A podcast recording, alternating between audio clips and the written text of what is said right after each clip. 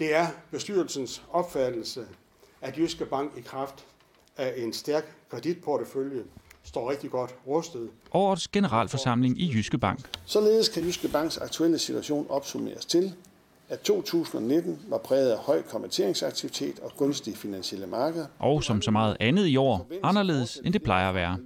Dels var rammerne og antallet af deltagere påvirket af coronakrisen, men derudover var det også den sidste generalforsamling for formand Svend Burkald.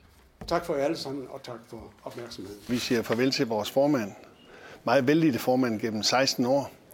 Han har været med i bestyrelsen i 22 år og i repræsentantskab i 31 år. Så han har været med omkring alle de centrale beslutninger i de sidste 31 år. Så det er en stor dag øh, for Jyske Bank at kunne sige farvel til en bestyrelsesformand, der har ydet en sådan indsats, men også mod i dag.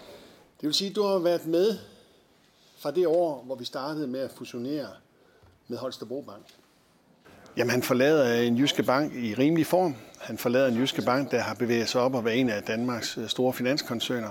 Han forlader også en koncern, øh, hvor vores aktiekurs er under pres, men det har vi jo en plan for at forsøge at arbejde os ud af.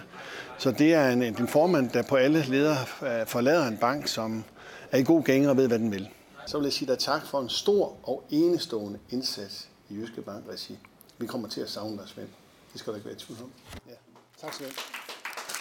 Tak skal du have.